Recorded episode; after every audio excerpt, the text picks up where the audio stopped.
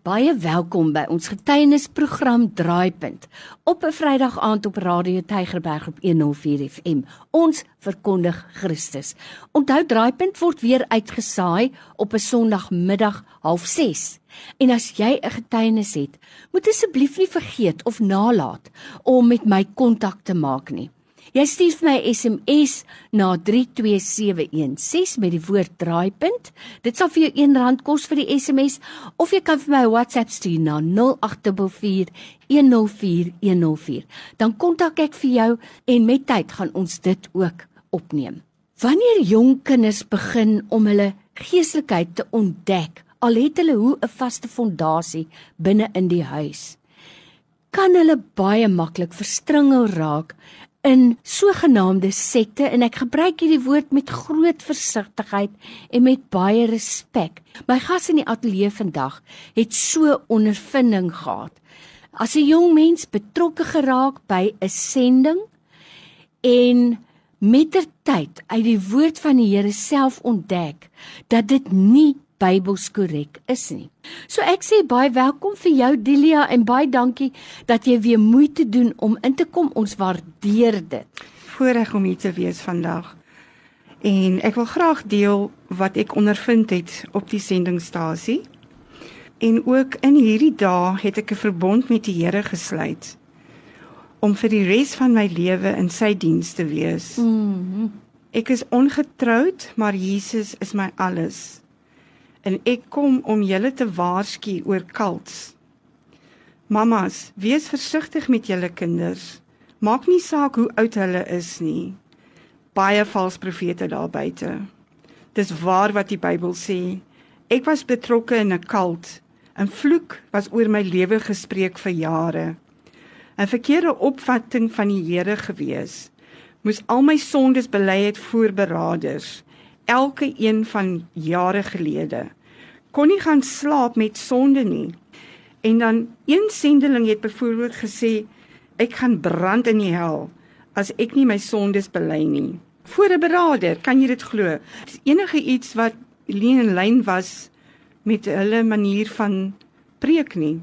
Jy weet hulle hulle klim in jou kop en hulle beheer jou met die teks van die Bybel wat in die Bybel staan en dit is besig om jou de mekaar te maak in die sin dat jy in daardie vlak beweeg en jy dit nie kan ontsnap nie. Mm. So dis baie moeilik. 'n Meisie op die sendingstasie se hare moes hulle al haar krulletjies laat afsny sodat die wêreld nie in haar sou wees nie. Ja. Net omdat iemand gesê het sy het Goldilocks hare. Dis vir my baie interessant en ook die feit dat jy sê hulle gebruik Bybelverse. So daar's 'n ou gesegde wat sê elke ketter het sy letter. Jy kan 'n Bybelvers vir enigiets kry as jy dit buite konteks gebruik. Ja, en ehm um, soos wat ek gesê het, 'n mens moes sondes bely teen alle tye behalwe, hoor die, behalwe op 'n eiland. Dit is hoe erg hulle was. Jy weet, in die sin dat hulle so iets moes genoem het. Dit is 'n bangmaak storie. Bedoel jy nou behalwe as jy stok alleen op 'n eiland bly? Dis reg. En ek wou nie daar bly nie. En vir my was dit net 'n ondervinding gewees. Dit was bloot onskuldig om te genees van my gebrek en my ouers te sien. En die sendeling het my altyd herinner dat ek my roeping moes vasmaak omdat ek my ouers te veel sien. Ek kon nie in my eie huis bly nie. Ek was soos 'n vreemdeling daarin en ek moes die volgende dag weer terug aan sendingstasie toe.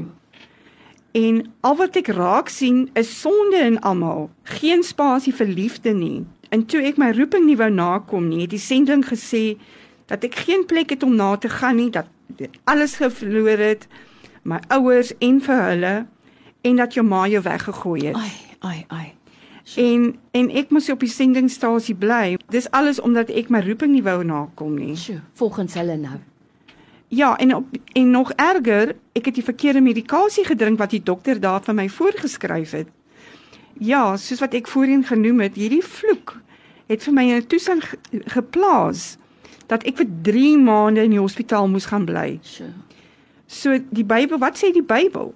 Hierdie lewenswyse het soveel skade gedoen aan my dat ek in vrees gelewe het. Alles was 'n sonde. Die beraders was soos 'n god het dit hulle self geforseer op jou en beheer om sondes te bely. Alle preke was oor sondes. As jy die televisie sou aansit, was dit 'n sonde. Ek moes 'n romp dra, anders kyk hulle neer op jou. En dat 'n mens sleg is en dis hoekom jy moet bely.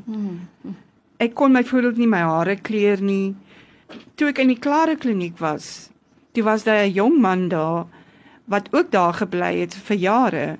En toe vra hy vir my, "Is die Here ook buite die sendingstasie?" Sjoe, dit was jy geïndoktrineer was hy. Dis reg. Jy weet, ek sal nie stil bly nie. In my beproewing wil ek praat. En nou, wat sê die Bybel? Daar sal manne opstaan wat verkeerde dinge praat om die disippels weg te trek agter hulle aan. Daarom moet julle waak. My lof is nie uit mense nie, maar uit God. Ek moes sterf aan my sonde daar, soos ek bely het voor beraders. Die gesonde weergawe wat sê die Bybel is dat die ou mens saamgekruisig is sodat die liggaam van die sonde tot niet gemaak sou word en ons nie meer die sonde sou dien nie. Want as ons dan saam met Christus gesterf het, glo ons dat ons saam met hom sal lewe. Nou hulle ywer vir God, maar sonder kennis. Want omdat hulle die geregtigheid van God nie ken nie en hulle eie geregtigheid probeer oprig, het hulle van God nie onderwerp nie. Wat nog erger was, het hulle neergekyk op ander mense se gelowe. Omdat die Here met my praat deur die woord, het hy vir my al hierdie tekste gegee om vir my te beskerm en vir my te waarsku en dit is wat my deurgevat het in die jare wat ek nou nie daar gebly het nie. So ek het so vasgehou aan die Bybel met wat ek het en ek het dit gebruik om te oorleef. Mm. Omdat dit so in my kop was wat hulle beheer het so ehm um, die Here het my so deurgedra. Dit was die moeilikste tye van my lewe. Jy werk soos 'n slaaf op die sendingstasie tot laat in die aand. So you had to get out because the medication wasn't right. Dis reg. En in 'n in 'n manier kan 'n mens sê dit was jou verlossing gewees. En toe jy eers uit is, het jy die waarheid begin ontdek deur die woord te bestudeer. Is ek reg? Ja, dis reg en dit het my bygestaan. Ja, so dit was baie moeilik vir my. Maar soos soos die Here my deurgevat het, het ek oorwinning gekry.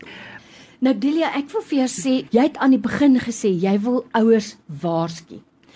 Want dit as 'n ouer voel jy dis 'n goeie ding dat 'n kind betrokke raak by 'n sending en ek glo in my hart dat by verre die meeste van die sending aksies waarby mense betrokke raak dien waarlik waar die Here.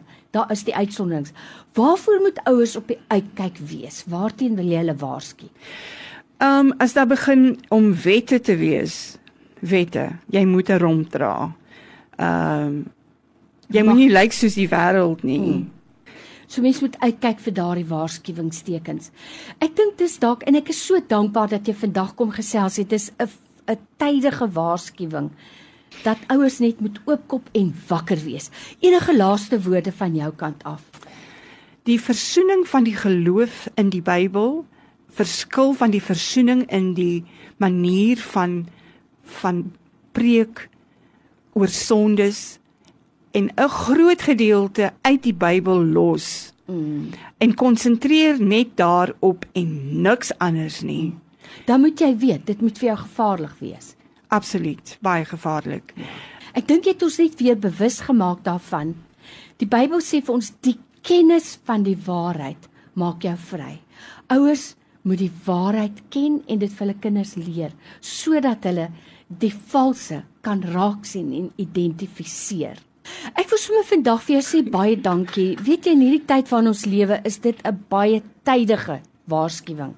En eintlik praat ons hier met die ouers dat jy met jou kind 'n geloofspad stap voordat iemand anders met 'n verkeerde en 'n valse lering dit doen. Ja, die ouers sal dadelik opmerk dat dit anders mm. is. En sies tog hulle hulle so vasgevang dat hulle nie weet mm. wat hulle doen nie. Jy weet mense gaan soontoe om gehelp te word, maar in the meantime maak hulle geld uit die mense. Hulle het 'n sendingstasie met soveel uh, besighede op. Dis alles net geld, maar die mense sien dit nie Daniel. Hulle sien dit dit is 'n 'n paleis om te bly mm. omdat ek nou vrygekom het van my sondes is is dit nou die hemel op mm. aarde. Mm. En dit is wat hulle so vasvang en dit is wat hulle um, uitlaat om nie by hulle ouers te wees nie mm. omdat hulle die woord van die Here verdraai het. Mm. Sjoe vir jou tyd vandag weer Delia sê ek baie baie dankie en ek weet dit het vir jou moed gevat om dit te kom deel met ons. Ek wil hê jy moet weet ons waardeer dit. Baie baie dankie. Baie dankie Lorraine, dit was vir my 'n voorreg om hier te praat regtig waar. Baie dankie.